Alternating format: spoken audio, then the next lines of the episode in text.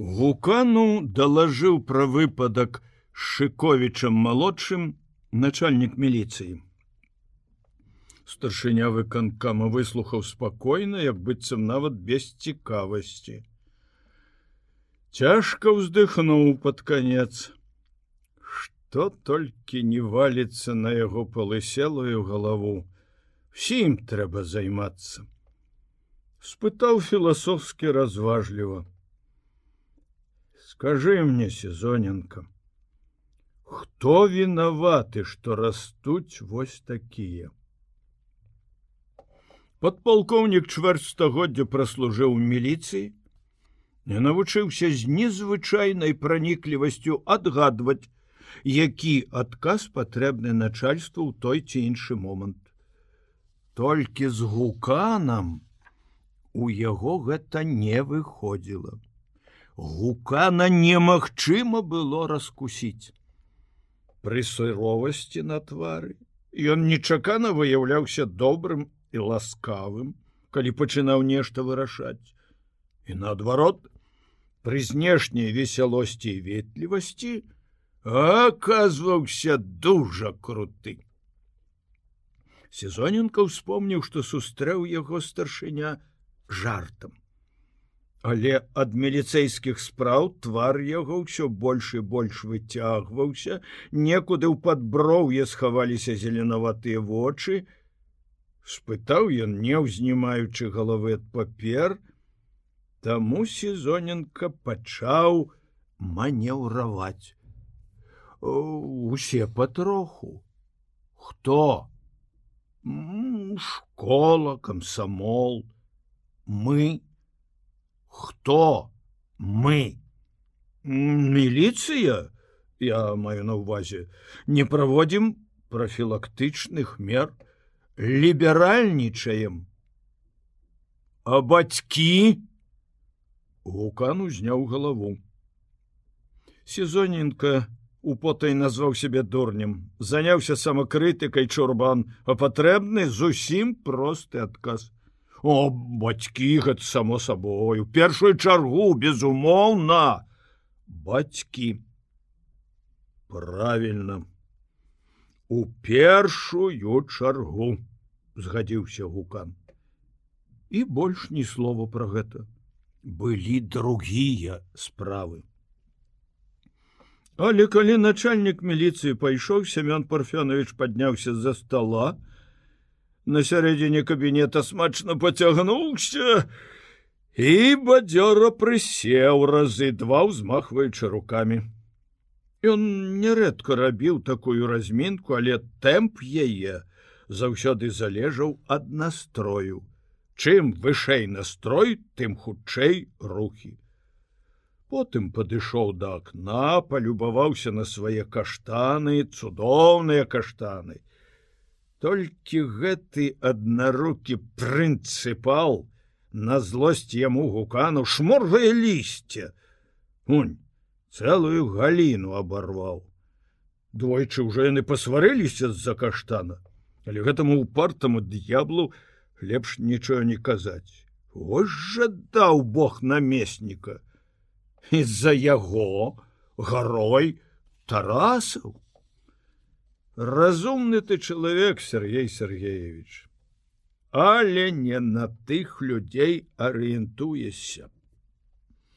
Укан падышоў да тэлефона набраў нумар сакратара гаркама. Один яны ўжо бачыліся сёння.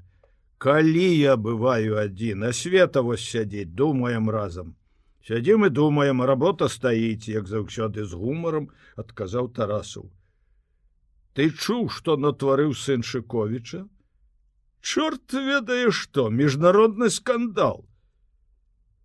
Тарасаву за две гадзіны працы ўжо трэці чалавек расказваў пра гэты выпадак. Скажи калі ласка якая падзея дня? І вось тут у званку гукана ён адчуў некаторае нездаровае смакаванне факта зразумеў. Каб гэта быў любы малады шалапут наўрад ці надавалі б гэтаму столькі ўвагі. Але сын шыковіча? Таму сакратар адказаў зноў-такі з гумарам: міжнародны кажаш. Няўжо можа быць разрыў дыпламатычных адносін? Гука насекся непрыязна падумаў на жартачки збівае выгарадзіць хоча. Ты не жартуй факт непрыемны. А я что кажу радасны. Пагражаць атамнай бомбай гасцям. Что яны падумаюць пра нас? Калі ворагі дык яны даўно ўжо думаюць а калі сябры то адзін дура не по закону аб забароне прапаганды войны трэба сукіннага сына судіць Вось як! Тарасаў як бы здзівіўся думаю нікога яшчэ не судзілі по гэтаму закону. Не будем мы мы шукаць у сябе подпольшчыкаў войны. Згоден Вулкан сам зразумеў, што сказаў глупства. Але гэтая манера сакратара, гэты яго няўлоўны гумар злоцен. Не першы раз ужо выводзілі сямёна парфёнаюча з сябе. На 10 год малодша размаўляе з ім старым чалавекам вопытным работнікам, як з малым. Хопіць гэтаму падпальшчыку 10 сутак. Няхай падмяце дорожкі ў парку, а то яны засмечаны ў цябе. Брыдка хадзіць у мяне.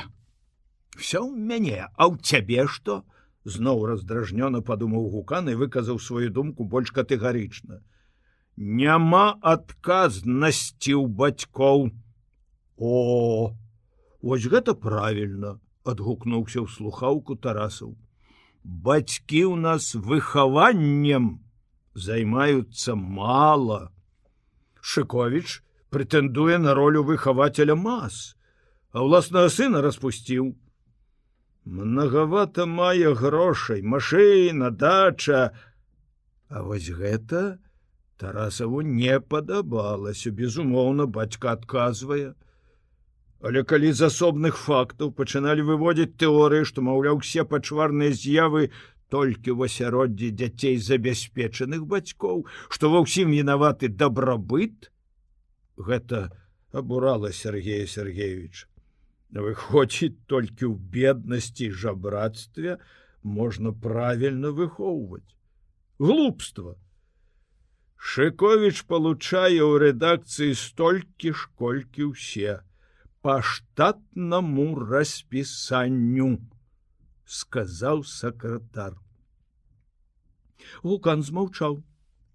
Успомніў, як аднойчы ў прыватнай гутарцы тарасаў сказаў усё з той жа сваёй хітрынкай. Ты ж не адмаўляешся ад ганарару за сваю кнігу, Хоць пісаў яе не ты? Цяпер Семён Парфёнович падумаў ясна. Стаіць за Шковіча. Як я не ведаў дагэтуль, што яны так спаяны. Паспрабаваў змякчыць, каб Тарасаў не падумаў, што ён хоча утапіць свайго сааўтара. Хоць, безумоўна, за такімі шалапутамі хіба ўсочыш.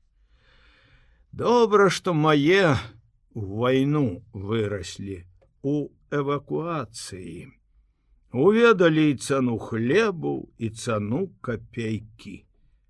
Тарасаў весело крыкнуў слухаўку: Нешта ты Семён Парфёнович хістаешся сёння. То валіш усё на бацькоў, то зусім здымаеш з іх віну. Не, бацькоў мы паслухаем, я уже сказаў. Сабраць по гораду ўсе падобныя факты паводзін дзяцей камуністаў. І ўсіх бацькоў, на адно з чарговых бюро гаркама. У мяне людзі. Ось і зразумей яго гэтага тарасава. А бацькі яшчэ нічого не ведалі. Валентина Андреевна засталася на дачы, а кірыла з самай раніцы забраўся ў парт архіў.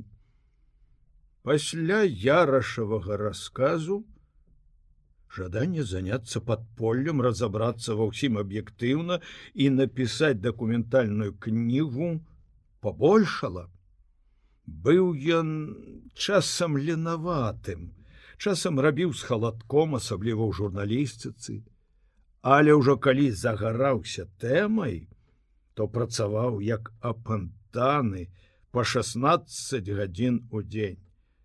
Працую як бальзак жартаўліва хваліўся ён у такія моманты блізкім. Так ён працаваў апошні тыдзень.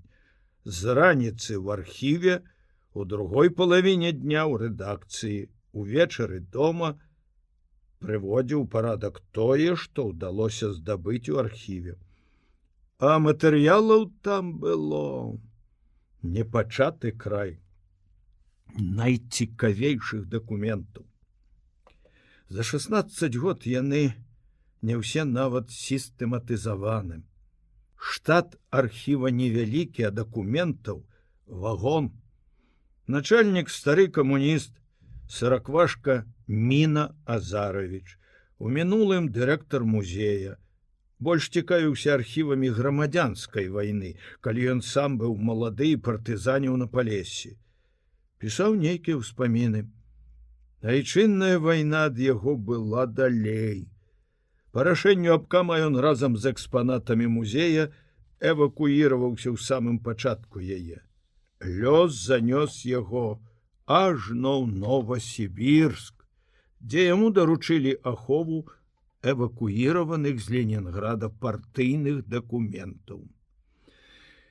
З'яўленне ў архіве пісьменніка, разварушыла маленькага сівага дзядулю. Міна Азарович быццам скінуў са сваіх 70 год пару дзясяткаў. Шмат што з таго, што расказваў пра падполле іх горада Шковіч, яму, безумоўна, было вядома, Але той добры дзясятак вялікіх пытальнікаў, якія паставіў новы даследчык, запалілі старога архіварыуса. Сапраўды гэта цікава адказаць хоць на частку такіх пытанняў. Чаго варта, напрыклад, канчаткова вырашыць? Хто ж такі савіч, якога між іншым сараквашка добра ведаў. Доктор некалі перадаў музею карціну айвазоўскага. І начальнік архіва, шчыра памагаў шыковічу у пошуках. За першы тыдзень кирилла перачытаў гару папер, але высветліў немнога з таго, чаго не ведаў раней. Расшыфраваў толькі адно склад першага падпольнага гаркама.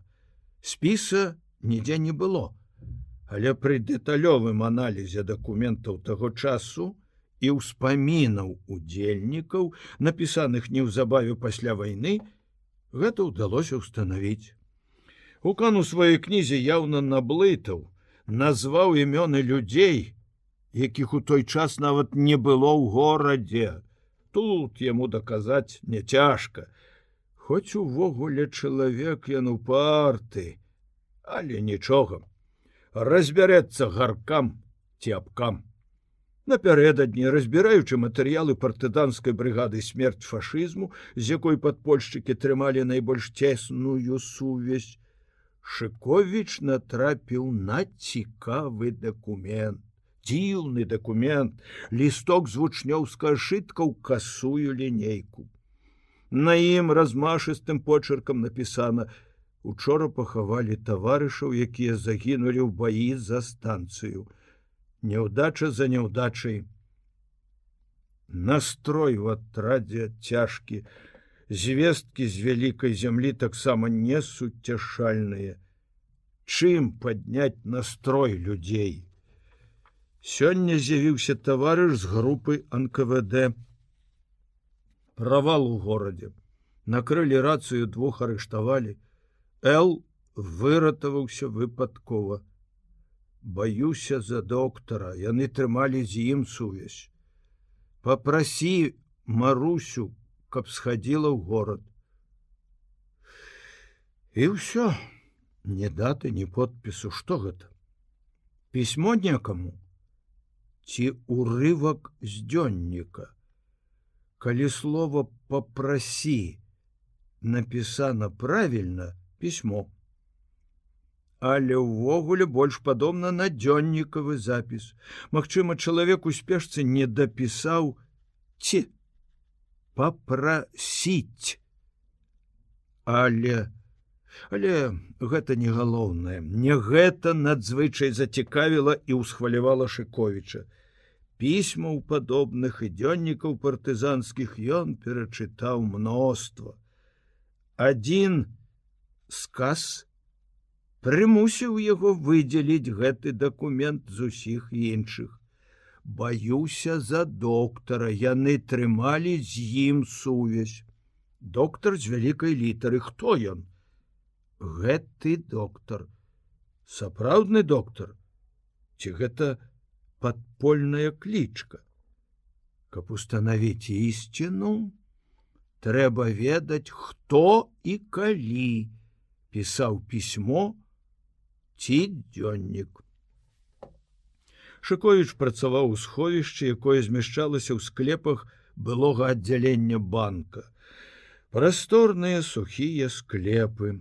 У першы пасляваенны год камсамольцы разабралі банкаўскія руіны і са старой цэглы на месцы трохпавярховага будынка змуравалі невялікі аднапавярховы асабняк Рэканструкцыя горада не кранула яго, бо стаяў ён у глыбіні двара пасярод квартала. Наперадзе вырас чатырохпавярховы дом, а гэты белы домик стаяў у абкружэнні таполяў. Пасаджаныя ў 45 годзе яны разрасліся ў густы цяністы сквер і ўсё навокал, засыпалі пухам кветені. Шковіч пайшоў да сыраквашкі. Праз акно ўбачыў стары ў белай кашулі сядзеў за сталом і паглыблены ў працэс творчасці пісаў, па-дзіцячы высалапіўшы кончык языка. Зрэдку нешта шаптаў. Кірыла любіў назіраць людзей, калі яны заставаліся самі з сабой чалавек у такім стане часто ператвараецца ў дзіця нават тады калі заняты сур'ёзнай працай. Шкада было турбаваць гэтага добрага дзядулю. Тым больш што шыковіш за тыдзень ужо вывучыў. Раней чым дазволіць зайсці сыраквашка схавае ў шуфляду свой рукапіс быццам ёсць нешта злачыннае ў тым што ён піша. Сустрэне нахмураны незадаволены так і здарылася. Что у вас там яшчэ? Буркнуў загадчык архіва зачыняючы шуфляду на ключ. Міназарович скажите калі ласка якая у вас сістэма подбору документаў вось на гэтым некалькі нумароў. А ці не сказано дзе-небудзь у вопісу хто пісаў гэты документ Чаму ён трапіў у гэтую папку, а не ў якую-небудзь другую. Сыраквашка взяў папку, прачытаў напісана і лёгка свіснуў. Ён адразу зразумеў, чаму Шковіча зацікавіла гэтая маленькая паперка. Тут яна брат ляжала першапачаткова, тут мы яе і пакінулі. А хто яе пісаў? Гэта трэба установіць. Як? Самы просты спосаб па почырку. Шукай гэты ж почырк. Шковіш спусціўся ў сховішча і перагартаў усе дакументы брыгады, перапісаныя друкі зводкі саў інфармбюро, загады, рапорты, радыёграмы, данясенні сувязных, баявыя лісткі, пісьмы, нават інтымныя такога почерку больш не сустрэлася. Ён пакінуў архіў расчараваны. А калі прыйшоў сёння раніцай сараквашка сустрэў яго ў скверыку. У старога быў таямніча задаволены выгляд, але сказаў ён толькі ў сваім кабінеце: « У мяне для вас ёсць падаруначак, Кирилла Васильевич. Я, здаецца, устанавіў, хто пісаў той дакументик. Пракоп варава, першы камісар атрада імя Чапаева. Шковіч зразумеў, што заразіў загадчыка архіва сваімі пошукамі, што сараквашка стаў яго, лепшым памочнікам. Нялёгка было ў сотні папак адшукаць другую паперку, напісаную тым жа почеркам. Мабыць, да позняй ночы сядзеў чалавек у сховішчы слепячы пры электрасвятле стомленыя слабыя вочы. Але калішыковіч горача падзякаваў яму. Міна Азарович збянтэжыўся як дзяўчына что вы кирилла васильевич мой абавязок агульная справа вам трэба дзякаваць что взяліся за такую працу. Дзіўнае пакаленне подумаў шыкович любуючыся на старога камуніста якая адданасць справе! Я учора ўвечары купаўся лавіў рыбу. А ён вас сядзеў шукаў Яму нават зрабілася неякавата. Вараву Шковіч помніў па кнізе гукана. Там яму адводзілася некалькі старонак як аднаму з арганізатараў партызанскага атрада імя Чапаева, які потым вырас у праслаўленую брыгаду. Это быў цікавы чалавек. Дырэктар кандытарскай фабрыкі, Ён яшчэ да акупацыі мясцовасці пайшоў у лес, стварыў атрад. Камандаванне атрадам варава пасля перадаў маёру акружэнцу, а сам застаўся камісарам. Дык вунь з кім звязаны гэты таямнічы доктар.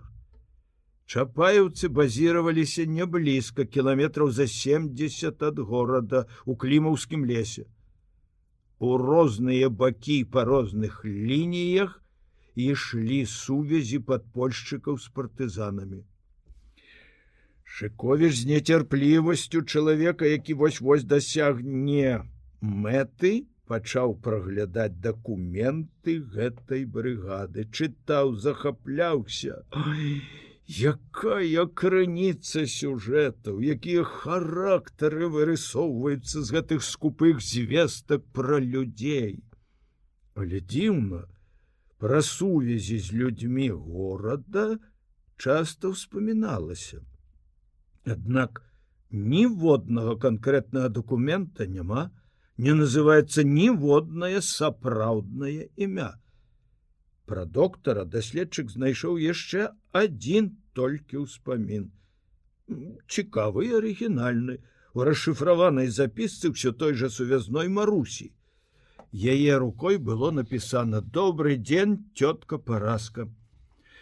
Паведамляю, што яйкі твае 43 штукі, 4 кілаграмы парэчкі, 1 кілаграм масла, 2 літры смятаны я прадала узяла 180 марак на наши грошы гэта 1800 рублёў купила семь кавалкаў мыла і три катушки нітак бульбу 12 кг аддала дядьку карнею ён паабяцаў пашыць табе сак. Кланяецца ён усім нашим нізка таксама тётка наста Яна хворая ў яе грыжа, будуць рабіць аперацыю. Дядька прыедзе на тым тыдні ў сераду, мяне з работы не адпускаюць до 24. Цалую твоя племенніца Маруся.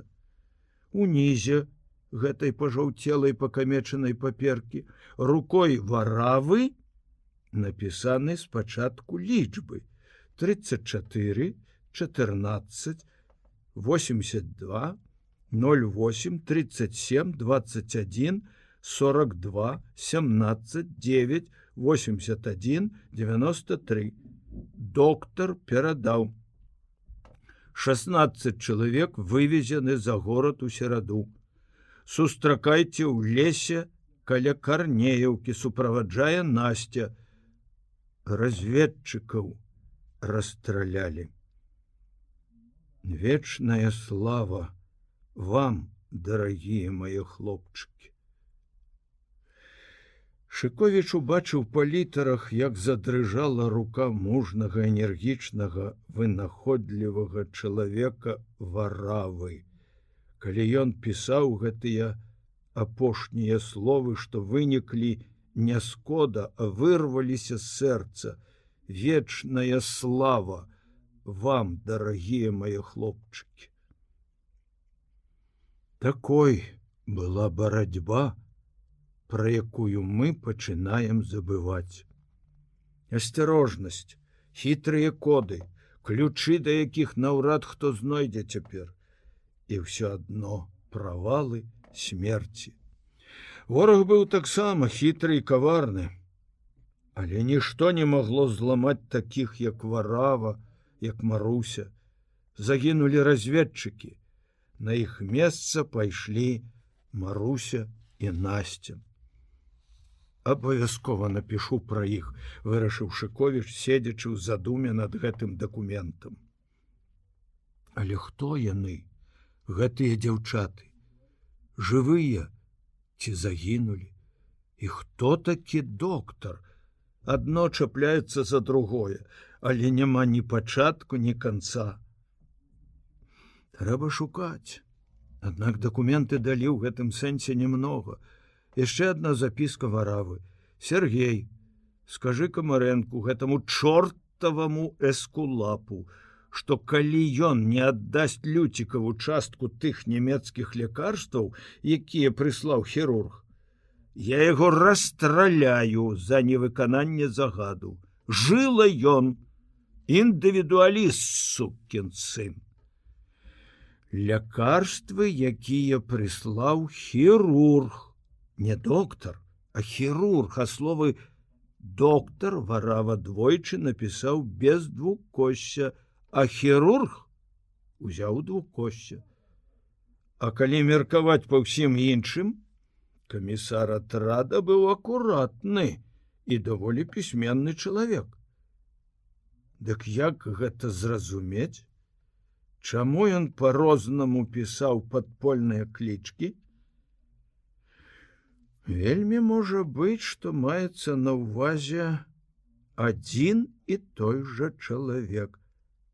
Але доктар гэта для яго варавы, для марусі, для вузкага кола тых, хто ведаў асабіста і трымаў сувязь з падпольшчыкам. Хірург для ўсіх другіх, напрыклад, для лекара атрада камарэнкі.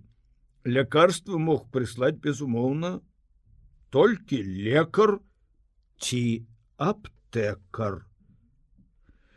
Ад доўгага чытання і напружаных думак у Шковіча забалела галава. Не, даволі дакументаў.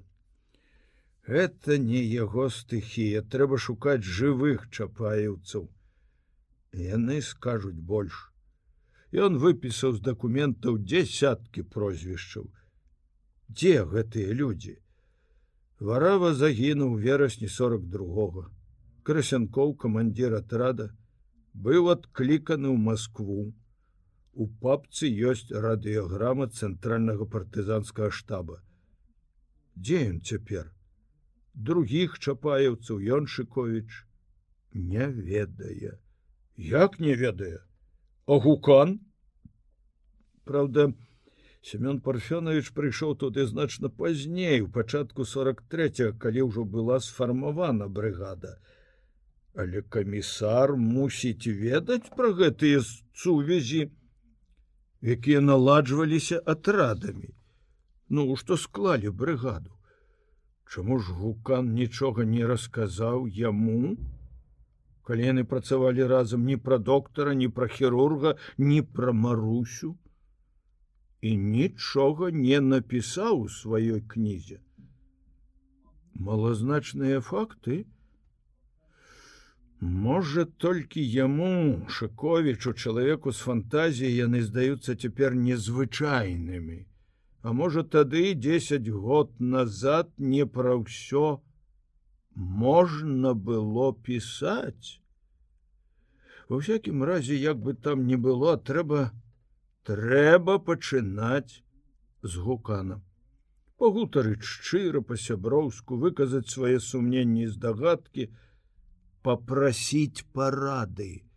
Урэшце ён разумны чалавек і сам напэўна добра разумее, што ў кнізе яго много недакладнасцей прабелаў і што любая добрасумленная праца цяпер пасля два з'езда партыі больш аб'ектыўна асвятліць той ці іншы бок все народнай барацьбы з фашызмом будучы чалавекам нецярплівым шыковіч адразу ж з архіва накіраваўся ў гарсавет у прыёмнай гуканы як заўсёды было много людзей гарадскія работнікі. Все па неадкладных справах. Больше шыковіча ведалі прывіталіся ветліва але кожны в душы стаіў незадавальненне яго прыходам. Пісьменнік які дапамог гукану напісаць кніжку работнік рэдакцыі ён меў маральнае право пайсці без чаргі. Яны не пярэчылі супраць гэтага яго права, але нікому не хацелася сядзець у прыёмнай. Шковіч меўся сходу праскочыць у кабінет, але новая сакратарка затрымала яго семёна парфёновича нарада гандлёвых работнікаў. Ух, гэтыя гандляры толькі бясконцы засядаюць, гандляваць не ўмеюць. Супраць гандляроў, якія занадта доўга радзіліся, настроены былі ўсе. Нехта прыгадаў фельетон Шковіч аб адным старшыні рай спажыў саюза. Дырэктар піўзавода пачаў падкідваць фельетаністу факты. Але кірылу гэта не цікавіла. Ён жыў вобразамі падпольшчыкаў людзьмі, якія паўсталі з дакументаў. Дзяўчо, што сядзела на варце дзвярэй, было зусім маладзенькая, новенькая. Шковіч падумаў пра яе з непрыязю. Прымасцілася, каб адпрацаваць свае два гады, на завод не пайшла чортава лялька і сярдзіта спытаў, колькі іх там. Каго? таварышаў з управлення гандлю трое Дык якая гэта нарада ідзі ты галубка спытай у мэра доўга нам чакаць? Скажи шыковіч пытае. Пачуўшы знаёмае прозвішча дзяўчынка з цікавасцю паглядзела на кірылу і паслухмяна нырнула ў будку. Кабінет каб не пранікаў гук адгароджаны ад прыёмнай адмысловым збудаваннем якое нагадвае кабіну на міжгародняй телефоннай станцыі. Неўзабаве адзін за адным усе з тоўстымі папкамі з будкі гэтай вываліліся кіраўнікі гарадскога гандлю. Следам за імі з'явіўся сам гукан. Стаў у дзвярах высокі ў ботах галіфе, але ў добра скроеным пінжаку пры гальштуку. Наведвальнікі падняліся, ці не думае старшыня ісці куды. Кирилла Васильевич, у цябе доўгая справа, А то бач, колькі народу чакае. Ды я хацеў параіцца па адным пытанні. Гукан быў упэўнены, што Шковіч прыйшоў з-за сына, хоць не разумеў, чым ён мог памагчы. Вызваліць спадары, што не яго кампетэнцыя. Ага, параіцца хоча. Ну, было б не сумленна ў такі час адмовіць ему сяброўскай парадзе, ці прымусіць чакаць, пакуль ён, гукан, будзе займацца справамі горада. Ну што ж, давай, заходь, а прабачце, таварышы, звярнуўся старшыня да іншых. Калі ласка, Семён Парфёнович адказаў за ўсіх адзін. Каб надаць гутарцы сяброўска інтымны характар, гукан сеў не за свой рабочий стол, а з краю доўгага стола для пасяджэнню. Насупраць адчыненага акна, за якім ласкава шапталіся каштаны. Яго адразу насцярожыў выгляд Шковіча, непадобны чалавек на засмучанага расстроенага бацьку. Неяк зусім інакш узрушаны, ажно вочы блішчаць. Кірыла выцягнуў з бакавой кішэні паперкі, копіі, якія спісаў з архіўных дакументаў, разгладзіў іх на стале яшчэ нават не прысеўшы спытаў: « Семён Парфянович, вы добра ведалі вараву. Гукан адчуў нешта накшталт таго, што адчувае пасажыр, калі самалёт правальваецца ў паветраную яму. Што гэта ён? Заходзіць здалёк? Якога? Таго?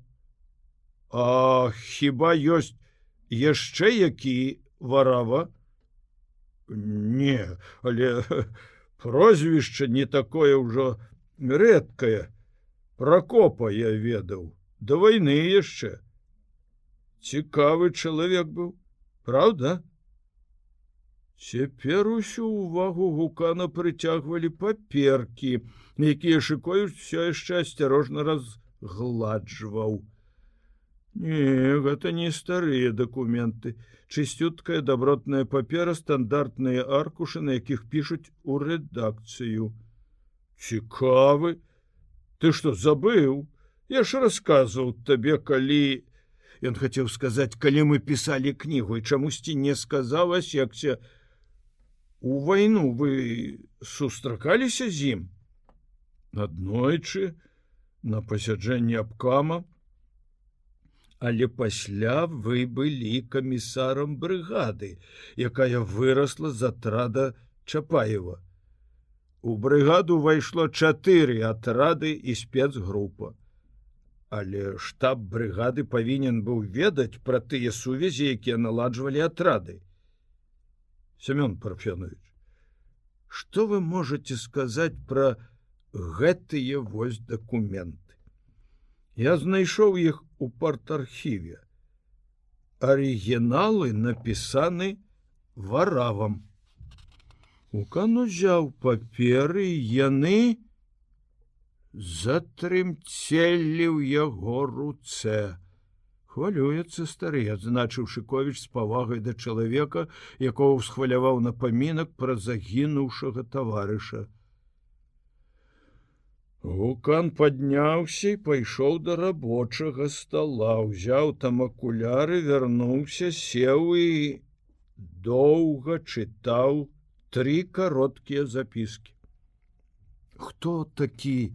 Ну хто такія? Доктор хірург маруся настя вот что мяне цікавіць шыкович ішоў збіраючыся перадаць рассказ яраша асабліва тую частку што тычылася савіча сказаць что жывая дачка доктора Укан адарваўся ад папер, пранікліва паглядзеў на пісьменніка праз акуляры, потым паверх іх, пакачаў галавой, уздыхнуў. Не помню, брат. Марусь сувязных у нас быў добрый дзясятак, которые з іх. Бачыш, что я табе скажу, Кирилла Васильевич. Варава быў, цікавы чалавек але ў яго было много дзівацтваў не ў дакор нябожчыку была ў яго схільнасць да розных прыгод часам просто такі авантурнага характару помню яго на каме яшчэ прабіралі за нейкую рызыкоўную аперацыю Ён стварыў такую заблытаную агентуру, навыдумляў столькі самадзейных кодаў і шыфровак, што пасля мы не маглі разабрацца што да чаго. І, разам з тым, я табе скажу, быў даверлівы як дзіця. Яго агенты потым правальвалі наших людзей. Ды і сам ён, загінуў праз гэтую сваю залішнюю даверлівасць хацеў прыручыць ваўка пайшоў на сустрэчу з начальнікам паліцыі А той гад замест трох чалавек аховы, як дамовіліся, узяў 30, зрабіў засаду. Яны ўжо сышліся, пачалі гутарыцца, як іх абкружылі і пракоп, каб не трапіць у іх лапы, зарваў гранату у кішэні. Самога на смерць начальніку паліцыі адарвала нагу. Пра гэта Шковіч ведаў і пісаў нічога новага, нічога такога зняважлівага для кагосьці гукан не сказаў. Аб'ектыўная спакойная ацэнка людзей і фактаў, якія сталі ўжо гісторыяй. Але відаць менавіта простое, што гукан гаварыў пра вараву, пра невядомых падпольшчыкаў сувязных, як пра нейкіх, далёкіх гістарычных асоб а ён кирыла апошні тыдзень жыў з імі як з блізкімі дарагімі людзьмі шыковічу расхацелася расказваць пра савіча і зосю. Забіраючы ад семёна парфёновича паперы ён таксама ўздыхнуў. Нелёгка відаць дакапацца цяпер да ісціны вулкан зняў акуляры праціраў пальцамі вочы быццам вельмі стаміў іх прачытаўшы тры запіскі спытаў дык значыцца сядзіш у архіве? Сяджу таких дробных загадак там много і ўвогуле кирилла васильевич гукану скінуў галаву усміхнуўся Няўжо цябе не хвалююць праблемы сённяшняга дня что ты залез у склеп да сыраквашки такія падзеі да з'езда идём ды да якога з'езда чытаеш дух займае а гэтыя праблемы кирилла ляпнуў па згорнутых копіях по-вашаму трэба пахаваць назаўсёды старшыня чамусьці адразу успомніў пра ўчынак сын гэтага дапытлівага даследчыка партызанскіх архіваў. Навошта чалавек прытвараецца, што яго больш за ўсё цікавіць сёння варава, доктар і справы падпольшчыкаў. Чаму пахаваць? Няхай капаюцца гісторыкі, іх хлеб а у нас с тобой даволі надзённых задач. Заняўся б ты сынам лепш. Во праблема а что з маім сынам як что? Ты не ведаеш ой вось табе на.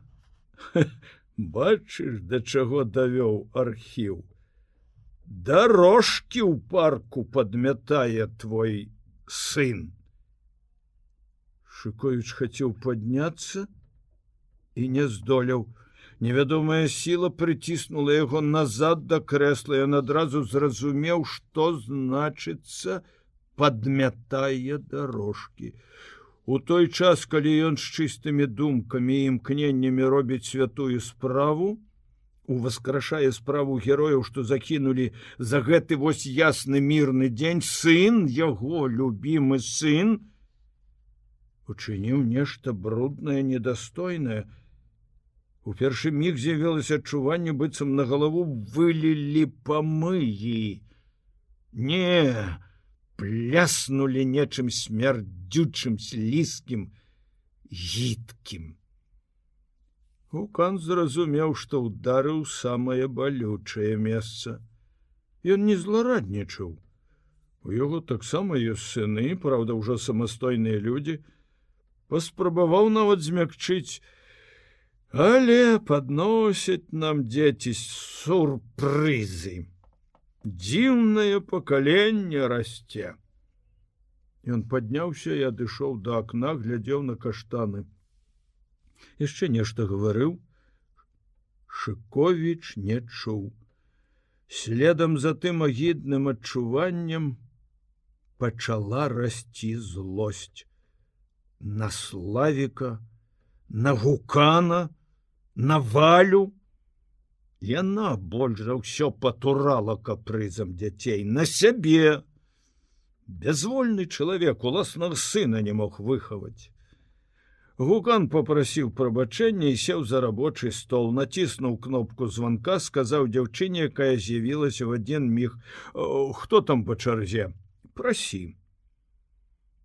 Шковіч падняўся і не развітваючыся пайшоў да дзвярэй. Заходь, Кирилла Васильевич, я можа вспомню прозвішчы сувязных. Маруся кажаш, позвоню ткачуку, над штаба нашаму. На вуліцы под каштанамі Кирыла адчуў, што ударыла ў пот, пацяклі раўчакі за каўнер залівала вочы, ніколі не было ў яго такой патлівасці. І дзень нядушны. На сонца распораз наплываюць хмаркі, ветерок. Кирыла дастаў насоўку, пачаў старанна выцірацца, нейкі прахожы з усмешкай спытаў: парылі товарыш не адразу дайшоў да сэнсу гэтых слоў а калі дайшоў шыковіч кінуўся прэч ад дзвярэй гарсавета але на скрыжаванні вуліц спыніўся. Куды ісці? Нейкае своеасаблівае бадай што незнаёмае пачуццё пацягнула ў парк Пагляджу, ці умееш ты хоць падмятаць сабачы сын. Рос як у Бога за пазухай, А вылупіўся на свет Божий і не можаш кроку зрабіць па-чалавечаму. Як ты глянеш мне ў вочы, я не скажу табе ні слова. Стану і буду глядзець. Падмятай, падмятай! Коль цэнтрального ўвахода сляпіў вочы касцёр вялікай клумбы.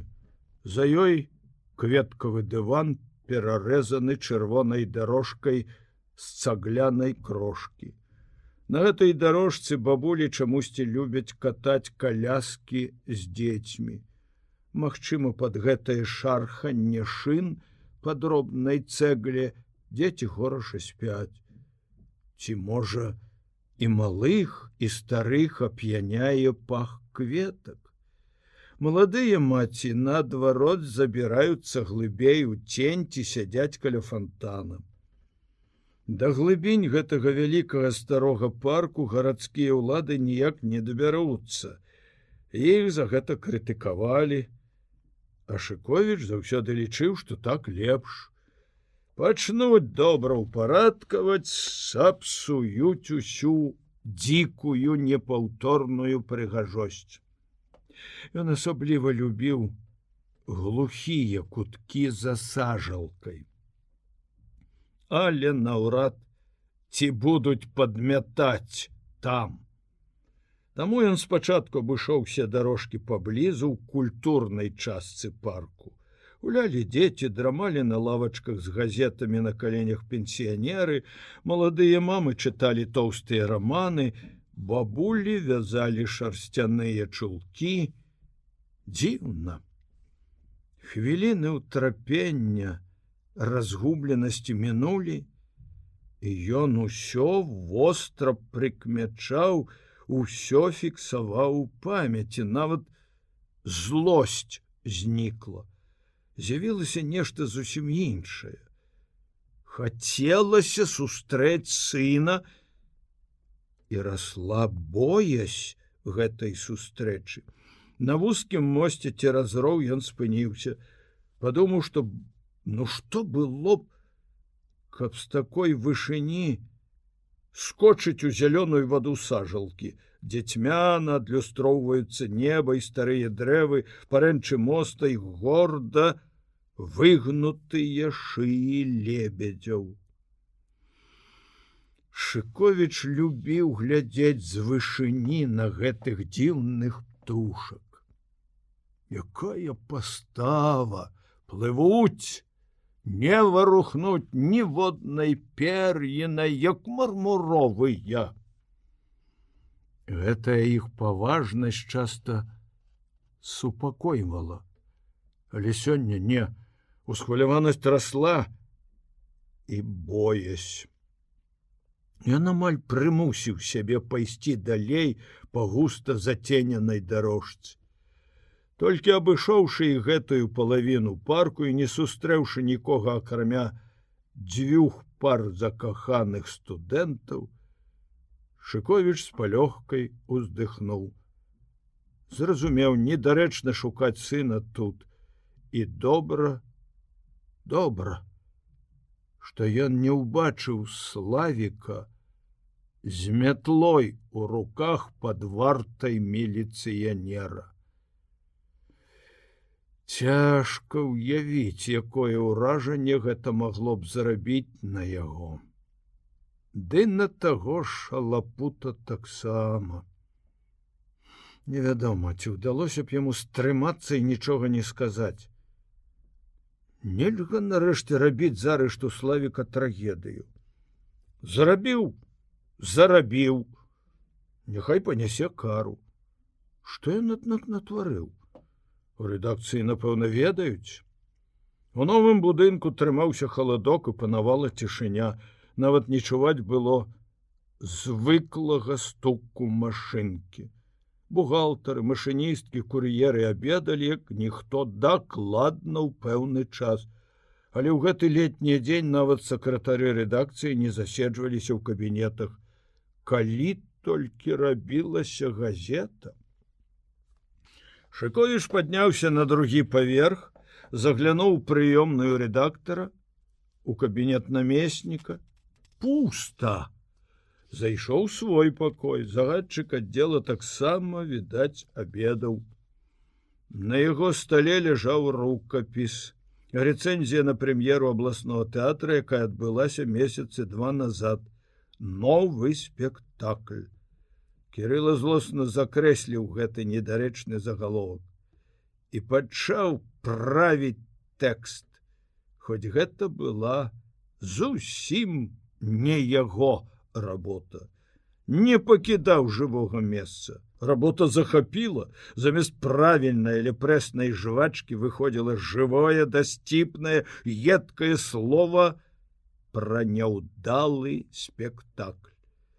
Ён быў добры чалавек. Да таго ж ведаў як нелёгка даецца ў мастацтве удача ніхто не ставіць сабе за мэту зрабіць дрэнна Ён не любіў пісаць адмоўныя рэцэнзіі. І ненавідзеў людзей, якія радаваліся неўдачы ў другіх, смакавалі правалы спектакляў і кніг. А тут раптам, забыўшыся на ўласныя перакананні, пісаў надзвычай бязлітасны водгук. І можа, упершыню рабіў гэта задавальненнем. У дзверы заглянуў адам рагойша загадчык прамысловага аддзела нізенькі чалавек з мясістым носам шырокім і лбом і дзіўнай лысінай звужанай наперадзе і шырокай на макаўцы. Зверху гэтая лысіна нагадвала па форме па ружовасці чырву ты тут спытаў рагойша уваходзячы не мяне няма Шковіч не любіў гэтага чалавека, не любіў за яго зайздроснасць. Рагойша зайздросціў усім. Яму Шковічу за тое, што ён мае права не сядзець у рэдакцыі, пісаць нарысы фельетоны дома, ды яшчэ на дачы. Дай мне такія умовы і я напішу не горш, кожны напіша. Зайздросціў загадчыку сельгас аддзела лапіцкаму, што ў таго, пяцёра дзяцей, а ён рагойша. Бездетны прыдзірлівы як следчы аглядаў кожную новую сукенку і кофтачку карэктаркі маі гутар. Подазрона шаптаў адкуль гэта яна бярэ? За свой заробак? Яго чамусьці многія баяліся нават рэдактор Рагойша нямала пастараўся, каб нагнаць страху і на Шковіча. Кірыла неяк у кампаніі пагразіўся, што зробіць рагойшу персанажам сатырычнай аповесці. Нават прозвішча не зменіць. Рагойшу гэта перадалі, і з таго часу ён пачаў шукаць дружбы. Непрыязны адказ на недарэчнае пытанне сваё рагойша прыняў як жарт, засмяяўся сеўшы насупраць глянуў рукапісы кіпраю шыковіч здзіўлена свіснуў. Вось аўтара гэтага! Сапраўды няма ні рожак ні ножак не засталося. Хто пісаў? Я сам сябе так правіш шчыра здзівіўся рагойша ну здорово! І пажартаваў толстой толькі не леў але відаць усумніўшыся поцягнуўся да перагорнутых выпраўленых старонак каб глянуць на тытульную. Кирилла прыціснуў старонкі локцем аўтарам рэцэнзіі была супрацоўніца рэдакцыі да якой рагойша ставіўся не надта прыязна і шыковіч не хацеў даваць яму лішні козыр супраць гэтай жанчыны.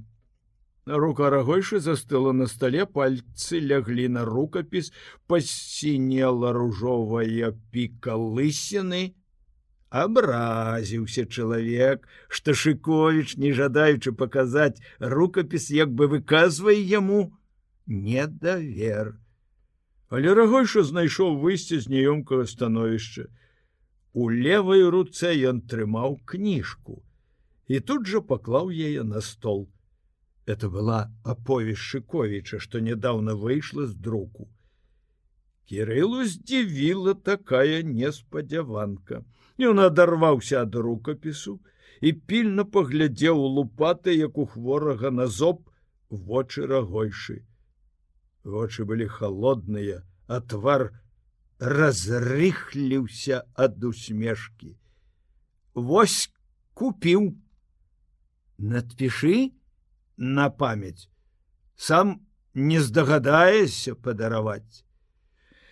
Кірыла ведаў, што ў дадатак да ўсіх іншых сваіх якасцей загадчык прамысловага аддзела яшчэ і скупы. Кнігі купляе рэдка, А таму той факт, што ён купіў яго аповесць, прыемна ўразіў і нават закрануў аўтарскае самалюбства. Кірыла адразу падабрэў, узяў кніжку, задумаўся, што напісаць, каб не шаблоннае. Колькі ганарару адхапіў? Тры. На новыя? Ого! куды ты дзяваць іх будзеш куды? Половину табе аддам і дзіўна это здавалася б зусім невінны жарт. Пакрыўдзіў рагойшу яно схапіўся з крэсла тоўсты нос яго і вушы пабурэлі злосна кінуў сынку свайму аддай яму на рэстараны трэба не не абразіла і не пакрыўдзіла гэта шыковіча неяк балюча укалола. Ён раптам зразумеў, што зайздросны крывадушны чалавек гэты зайшоў зусім не за тым, каб атрымаць аўтограф, што ў душы ён радуецца непрыемнасці са славікам. Абурэнне яго было дзіўнае, ціхае. Няхай бы ён лепш закрычаў, вылаяўся. Пры сваёй флегматычнасці ён зрэдку такі узрываўся і мог моцна крычаць. Это ў рэдакцыі ведалі. Дык не ж. Ён зрабіў нешта зусім нечаканай для самога сябе і для рагойшы для ўсіх. Спакойна ўстаў з-за стола, падышоў да загадчыка аддзела, узяў за каўнер паласатага пінжака, подвёў яго страшэнна ашаломленага да дзвярэй, ударом ногі шырока адчыніў іх і выкінуў рагойшу ў калідор як непатрэбную рэч. Зачыніў дзверы ізноў такі даволі спакойна вярнуўся да стола ціхае кіпенне ўсярэдзіне пачало хутка ўтаймоўвацца. Прыгадаўшы які ўрагойшы зрабіўся твар калі ён узяў яго за каўнер кирилла нават засмяяўся. Хутка яго паклікалі да рэдактара. У доўгім і вузкім кабінеце акрамя рэдактара сядзеў дырэктар тэлестудыі алексей тукала стары прыяцель шыковіча некалі разам пачыналі пісаць разам працавалі много год. Кирилла ўзрадаваўся што размова будзе не адзін на адзін і што нарэшце ён зможа высветліць віну сына. Тукала напэўна ж усё ведае. Шыковічак звычайна весело прывітаўся але тое што алексей працягваючы руку афіцыйна ветліва прыўзняўся насцярожыла яго. Няўжо Алёша тукала падкрэслівае дыстанцыю паміж сабой і ім шыковічам. смешна. Не таму, што сумеўся, а знарок, каб паглядзець, што ж будзе далей, Кірыла напусціў на сябе выгляд вінаватага не павітаўся з рэдактарам за руку ціха сеў насупраць тукалы панурыў галаву. Вось я карайце! Але бачыў што і дырэктар студыі рэдактар разглядаюць яго з павышанай цікавасцю.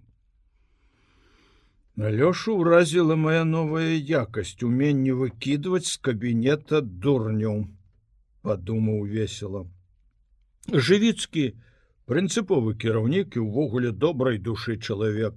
Ён цаніў людзей, якія ўмеюць пісаць, абараняў кожнага здольнага журналіста. Шыковічам жа просто ганарыўся. Не кожная газета мае такога нарысіста і фельетаніста.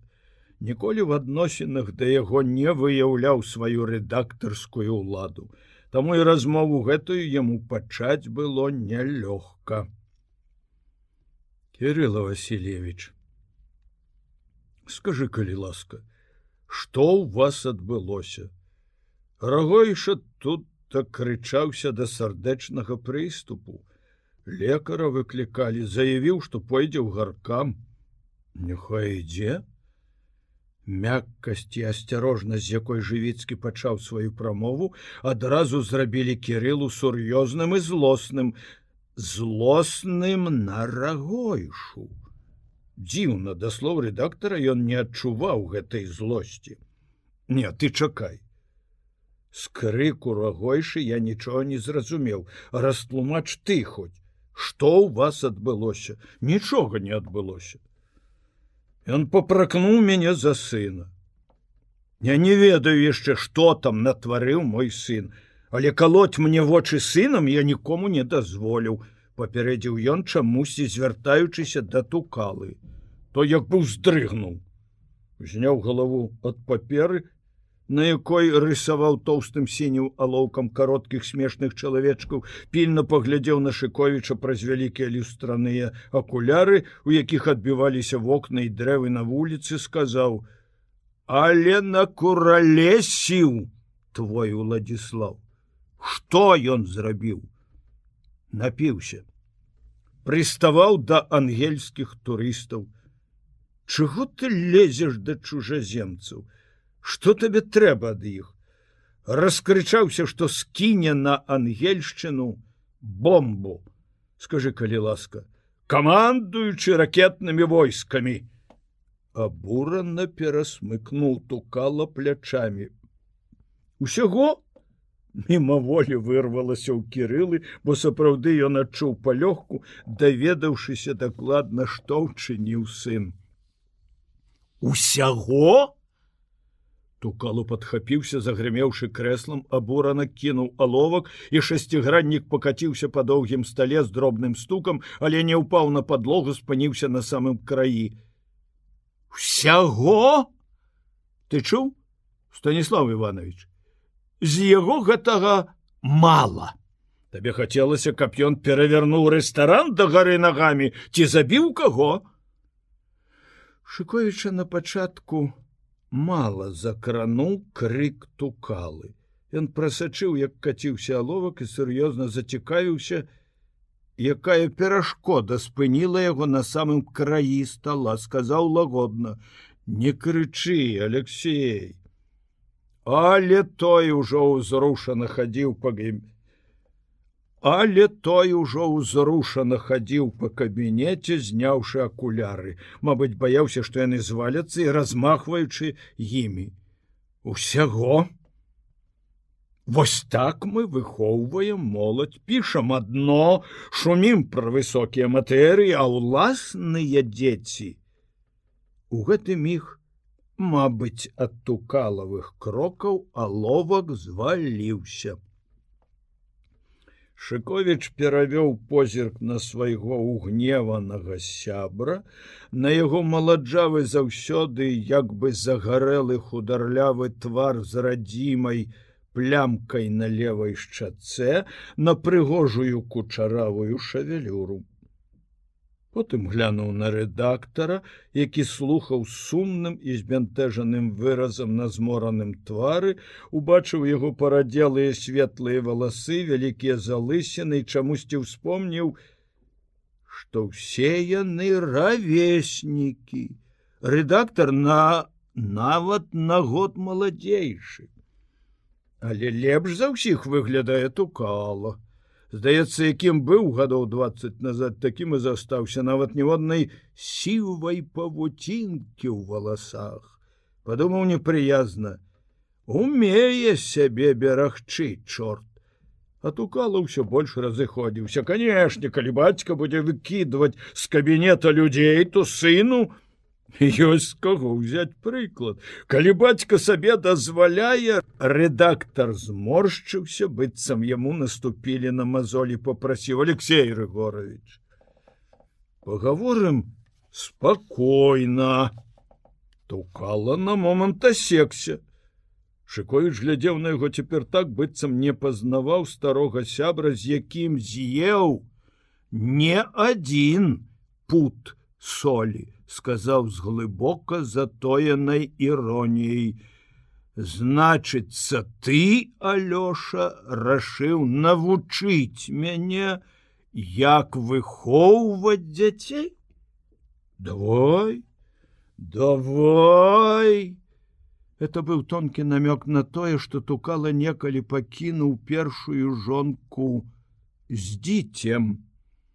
Ён зразумеў гэты намёк і закіпеў яшчэ горш, але голас панізіўся. Я не думаю цябе вучыць. Але калі ты лічыш, што з цябе мала таго, што зрабіў твой сын, то з мяне гэтага вось так. Ён правёў далоней па шыі, я не буду трымаць у сябе, хуліганаў.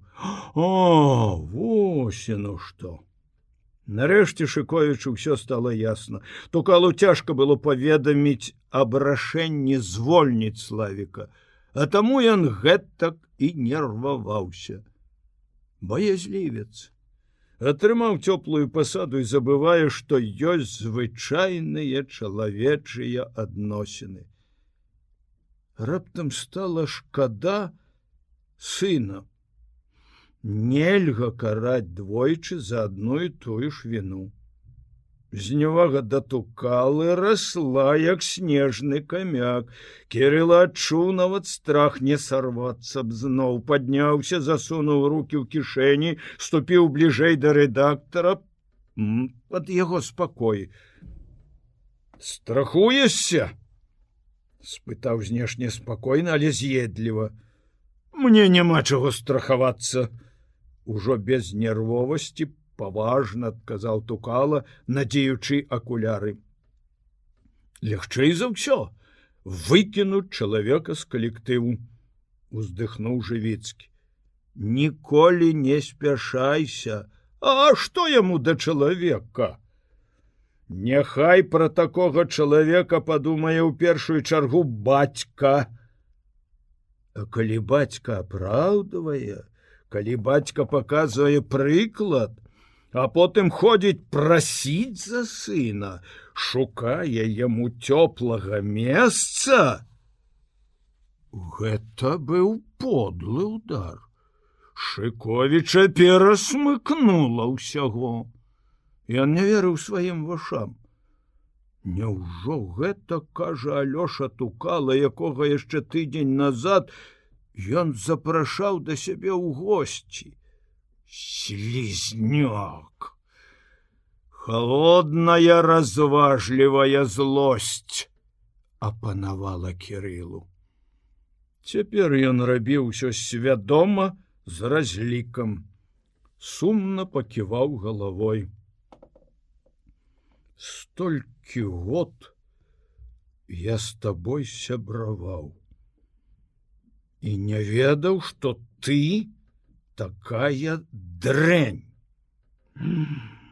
Ох, як тукала зноў падскочыў. Чуеце, Станіслав Иванович! хлопцы як вам мне сорамна паспрабаваў прымірыць редактор цяпер разумею что зусім не зусім таго кого трэба я выкіну за дзверы. Вось кого трэба і не за дзверы. За окно дазволь станіслав иванович і кирилла пайшоў каб абысці доўгі стол Тукала хутка адступіў за рэдактарскі стол спалатнел і стаў побач жывіцкім, які таксама насцярожана падняўся. Шковічу стала смешна. Ён дайшоў да краю стола, хмыкнуў, накіраваўся да выхаду. Калі дзверы за ім зачыніліся, Тукала выхапіў хусцінку і пачаў выціраць успацелыя руки і лоб. Ты бачыў, а? Зазнаўся. Напісаў дзве бяздарныя кніжачкі і гэтак зазнаўся. О як псуе слава! Жах! Жывіцкі засмяяўся. Не разумеючы прычыны яго смеху тукала пачаў развіваць цэлую тэорыю наконт славы і зазнайства